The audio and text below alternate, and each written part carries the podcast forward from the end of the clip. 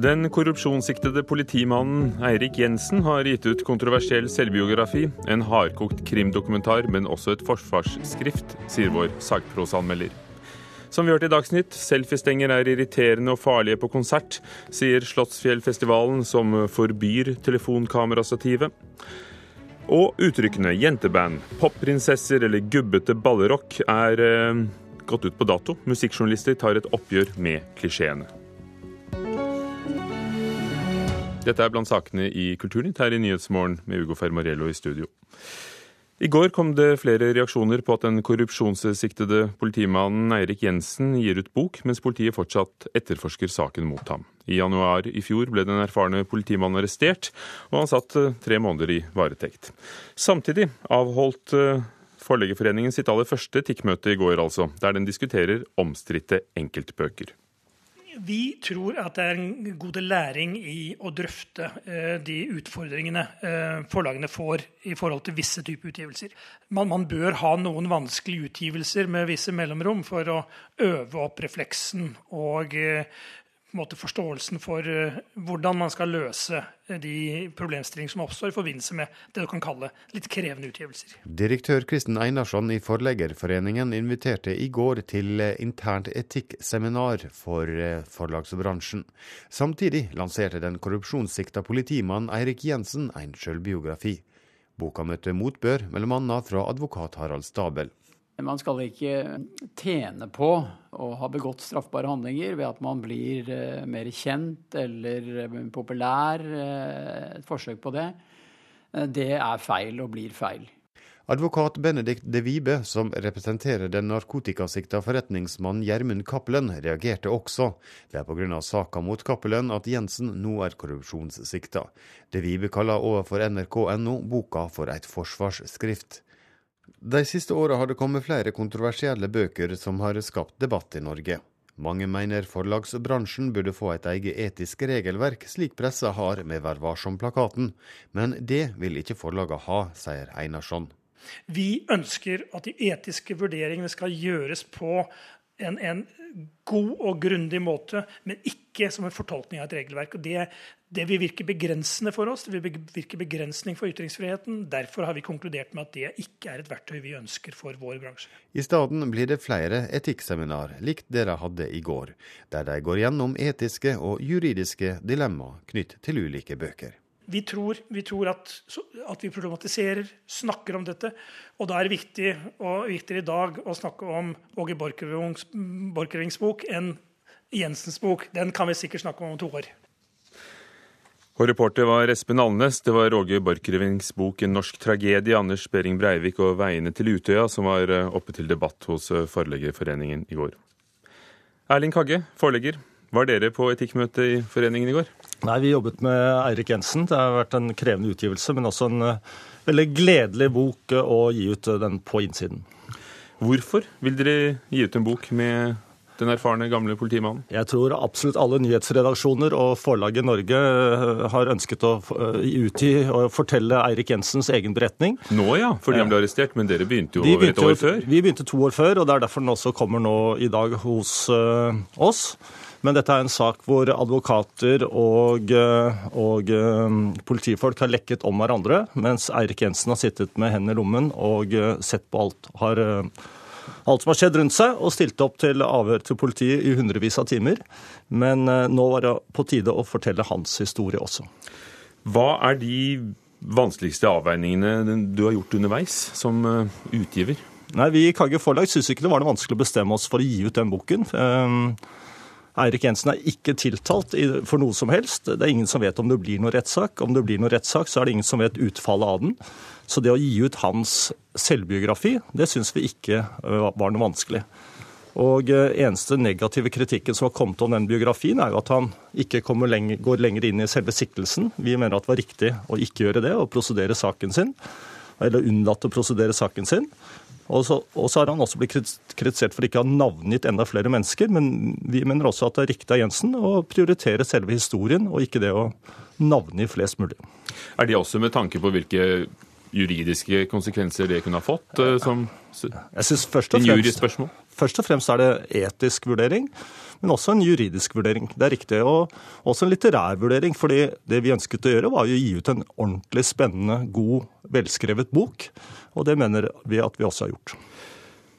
Ser du at denne boken, nettopp med tanke på det du, du, nettopp fortalte, kan bli tema for en etikkdebatt i foreningen etter hvert? Nei, det tror jeg ikke. fordi eh, jeg hører at den debatten går, men den går da blant mennesker som ikke har lest boken, inntrykk av.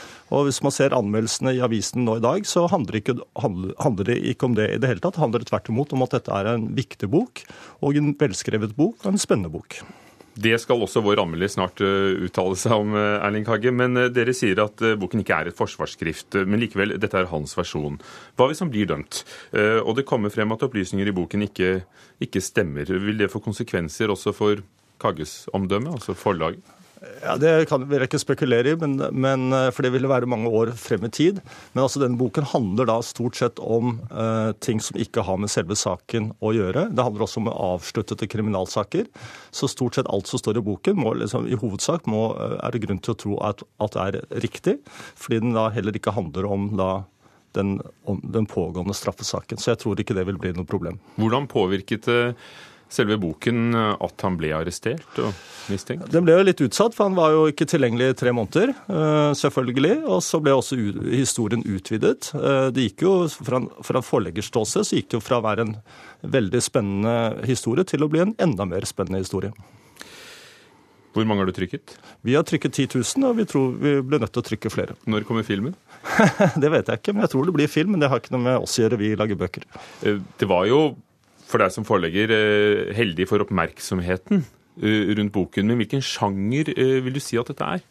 Dette er en sjanger som Norge har trengt å, begynne å, gi ut, og det er innsideberetninger fra politiet.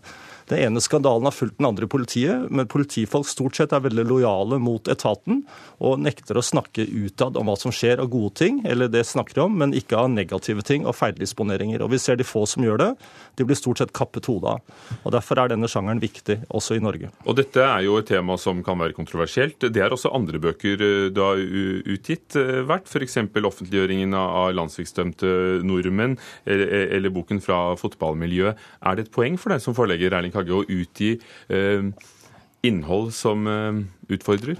Nei, men det er et poeng i seg selv å gi ut bøker som er, har et innhold som er i strid med den gjengse oppfatningen blant eh, det norske folk, og i og for seg blant folk utenfor Norge.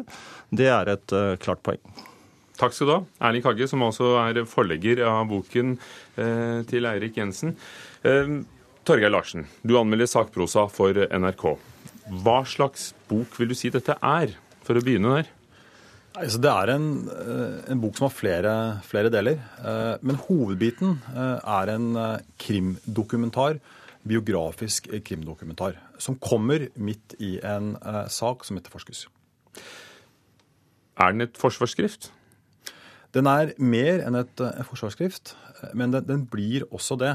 Fordi rammen rundt det er en politimann som er siktet som er under etterforskning, og hvor leseren eh, ikke vet svaret. Eh, kanskje blir han frikjent, kanskje blir han dømt, kanskje kommer saken aldri opp.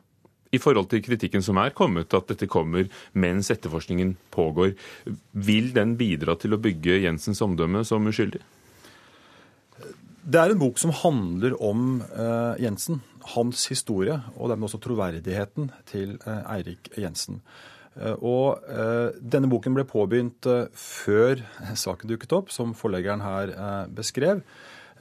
Men når saken trekkes inn, så blir det også den dramaturgiske rammen til fortellingen. Boken starter med den dramatiske dagen for Eirik Jensen når han pågripes i kjelleren, garasjen på politihuset. Du får beskrivelsen av forhørene, glattcella, og den avsluttes eh, med en bit som ikke har med dokumentaren å gjøre, egentlig, men som er en lang, nokså argumenterende oppgjør eh, med en politiledelse som, eh, som, som, svikter, og et kapittel som heter 'Dolken i ryggen', som er informanten som snur seg mot Eirik Jensen. Og da er vi midt inne i, i saken. Men det er den minst interessante delen av boka som bok, egentlig. Det er jo spennende materie. Det er uh, slikt stoff krimbøker er laget av. Og, og, og dette fylte jo førstesidene i, i mange aviser i, i månedsvis. Uh, er det en god bok, som litteratur? Ja, det er en spennende bok. Jeg har ikke lest eh, denne type, type bok før. Det er en, eh, en veldig altså, en krimdokumentar. Den er røff i språket. Den er eh, direkte. Det er en slags virkelighetens Harry Hole-miljø som, som, skildres. Tøffe, rettferdige, ukonvensjonelle politimenn på gata. Som er harde mot de harde, men menneskelige. Jeg tror jeg leste første kvinnelige referanse på side 120 eller et eller annet. Da var det en eller annen perifer Eh, informant som var, som var, kvinne. Veldig maskulint miljø. Det gir også et helt unikt innblikk eh, i en unik politimanns historie bak store krimhistorier som vi har lest om i avisene. Svære narkosaker. A- og B-gjengen i Oslo. MC-gjengenes oppgjør. Og, det er en slags eh, bok som vi har sett en del eh, altså TV har, skildret en del av dette miljøet. altså Dramaturgisk, reality, eh, LIDP. Dette er en slags bokform. Eh, og der er den velskrevet. Eh, og den er god. Men eh, biten som ligger bak, og som blir mindre god, føler jeg, er når saken trekkes inn. Da blir den mer argumenterende. Nærmere tid man kommer dagen, så, så svekkes også kvaliteten som litteratur. Og gir den et troverdig bilde av forfatteren Eirik Jensen selv? Tja, eh, det er vanskelig å si. Fordi det som eh, Det er en troverdig dokumentar, men det henger like ved boken at leseren ikke vet hva som er utfallet på, på saken. Og da får du spørsmålet hvor selektiv, hvor taktisk er han i utleggelsen av seg selv. Tjener den på å bli utgitt nå mens saken pågår? Jeg tror som litteratur eh, så uh, ville jeg gjerne ha lest boken med svaret om, om, rammen. Men så forstår jeg at han selv gjerne vil ha ut boken. Og etisk uh, vet folk som leser det, at det er en mann som også etterforskes uh, og er siktet. Takk, Torgeir Larsen, som altså har lest Erik Jensens På innsiden historien om mitt politiliv.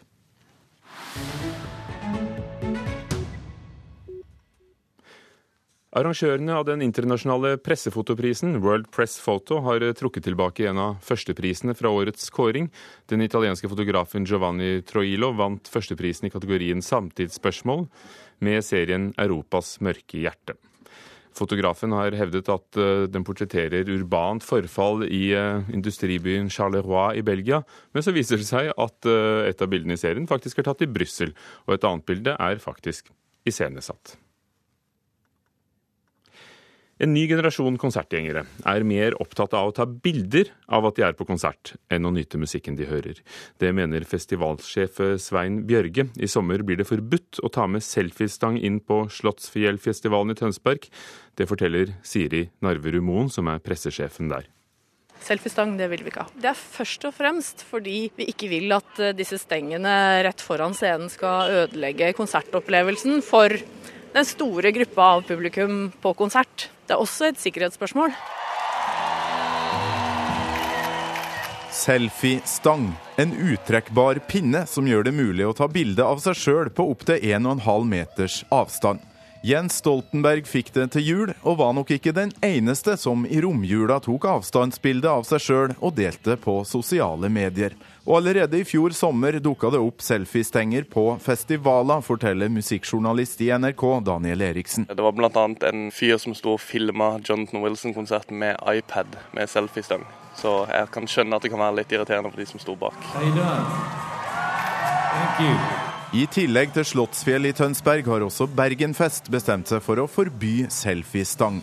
Øyafestivalen, Tons of Rock og Steinkjerfestivalen vurderer et forbud, og sjefen for de to sistnevnte, Svein Bjørge, syns det er trist at det i det hele tatt er blitt et problem. Litt trist og litt patetisk. Eh, det er jo tydelig at eh, for noen er det viktigere å eksponere at de har vært på akkurat den konserten, enn å faktisk være på konserten. For det er klart, når du er i festivalmodus og er i konsertmodus, så, så nyter du konserten. Men eh, noen er tydeligvis mer opptatt av å fortelle at de har vært der. Og det er ikke bare et festivalproblem. I England har fotballklubbene Liverpool, Manchester United og Tottenham innført forbud fordi det er irriterende for sidemann på tribunen å få selfiestenger vifta opp i ansiktet.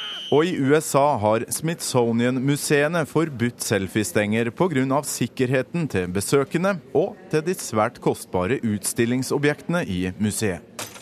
Du blir også stoppa i døra hvis du tar med selfiestang på store konsertarenaer som O2 og Wembley. Forståelig, mener festivalsjef Svein Bjørge. Når det blir en vegg med sånne selfiestanger, så er det forstyrrende for de som ikke er så opptatt av å vise hvem at de er med på konserten.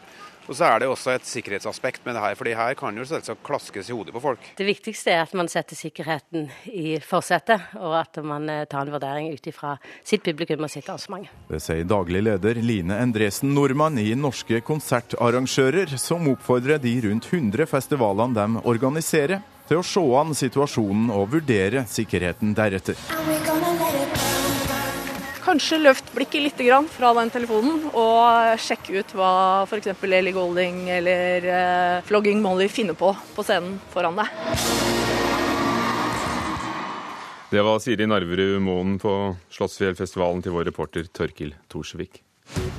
19 over 8, du hører på Nyhetsmorgen i NRK. Overskriften i dag. Det har vært kontakt mellom partene i flystreiken, som rammer over 30 000 Norwegian-passasjerer i dag.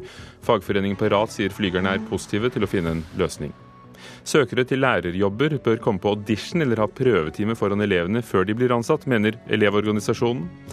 Herlig dialektbruk og en tittel som lover mye, sier vår anmelder om kinopremierefilmen denne uken 'Kvinner i for store herreskjorter', som vi snakker om senere i Kulturnytt.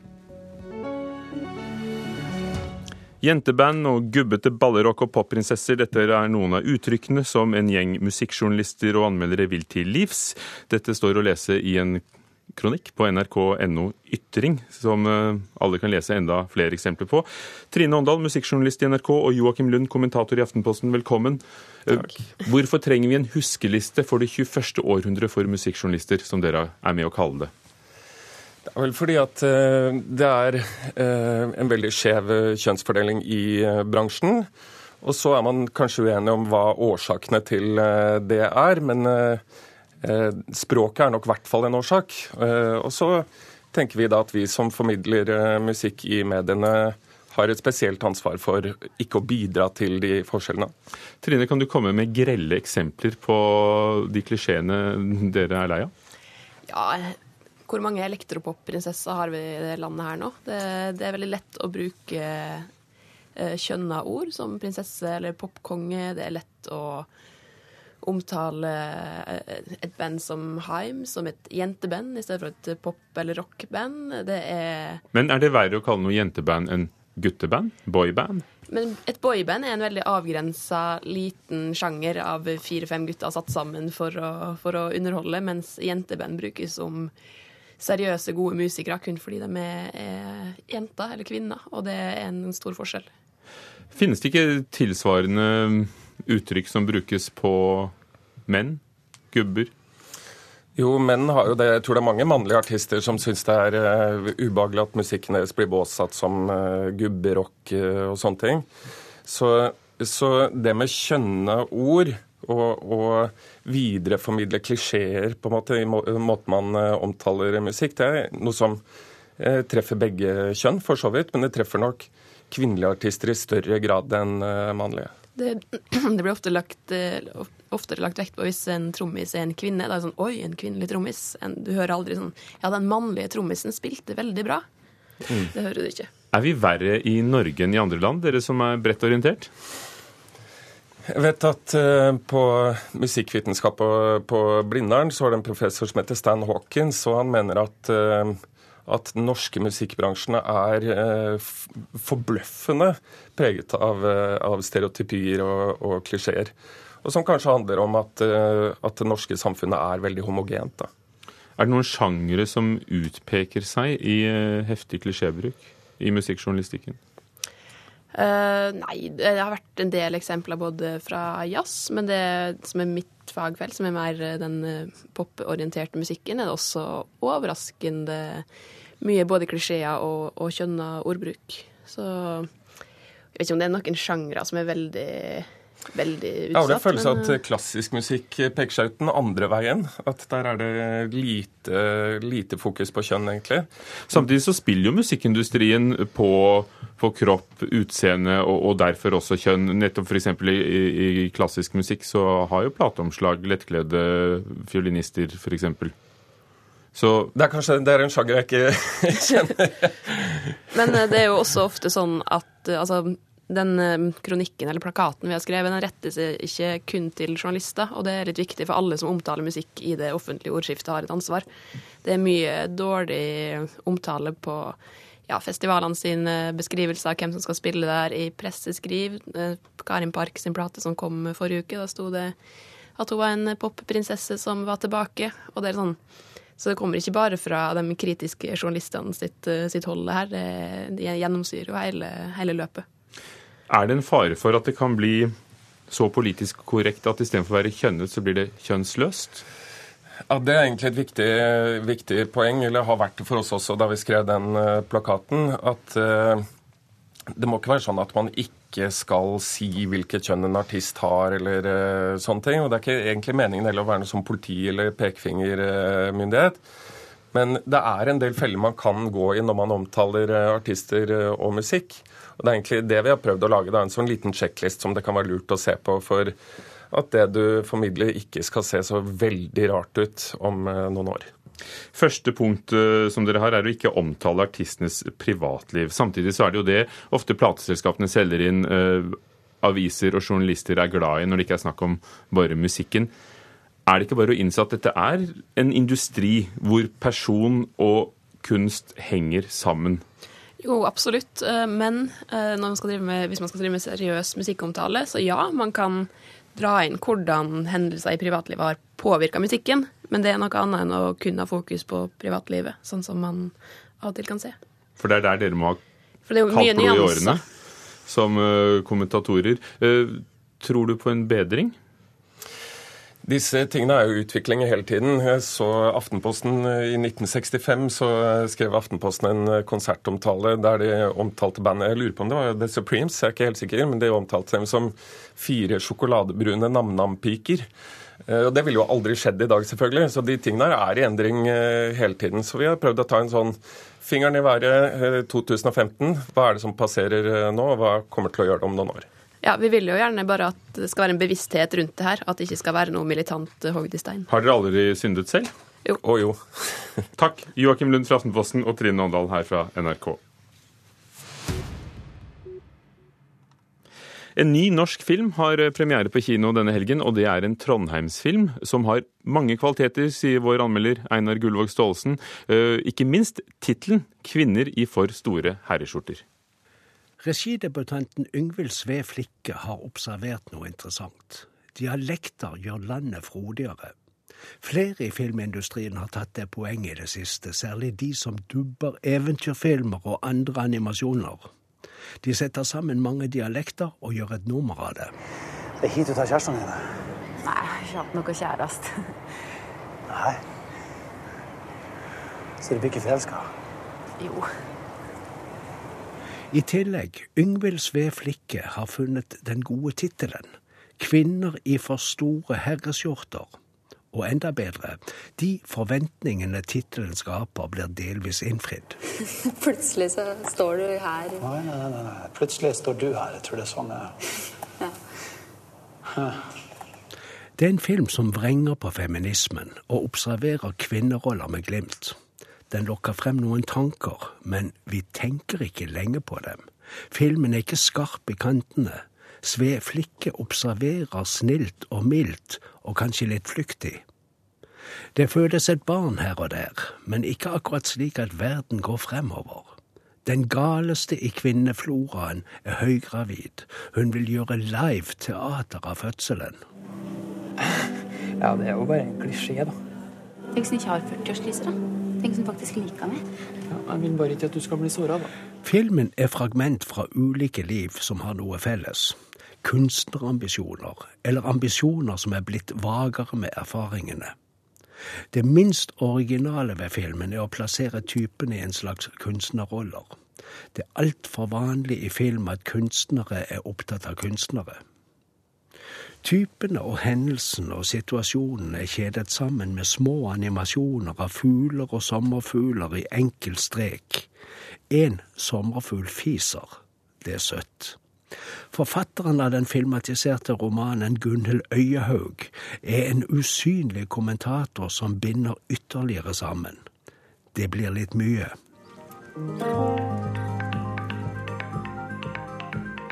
Det er den drømmen vi bærer på. At noe vidunderlig skal skje.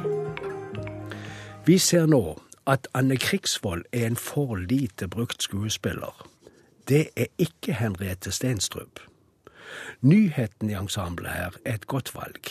Inga Ibsdotter Lilleås. Hun er 25 år, snart 26, og omtrent på alder med sin rollefigur Sigrid, som er den unge med kunstnerisk higen.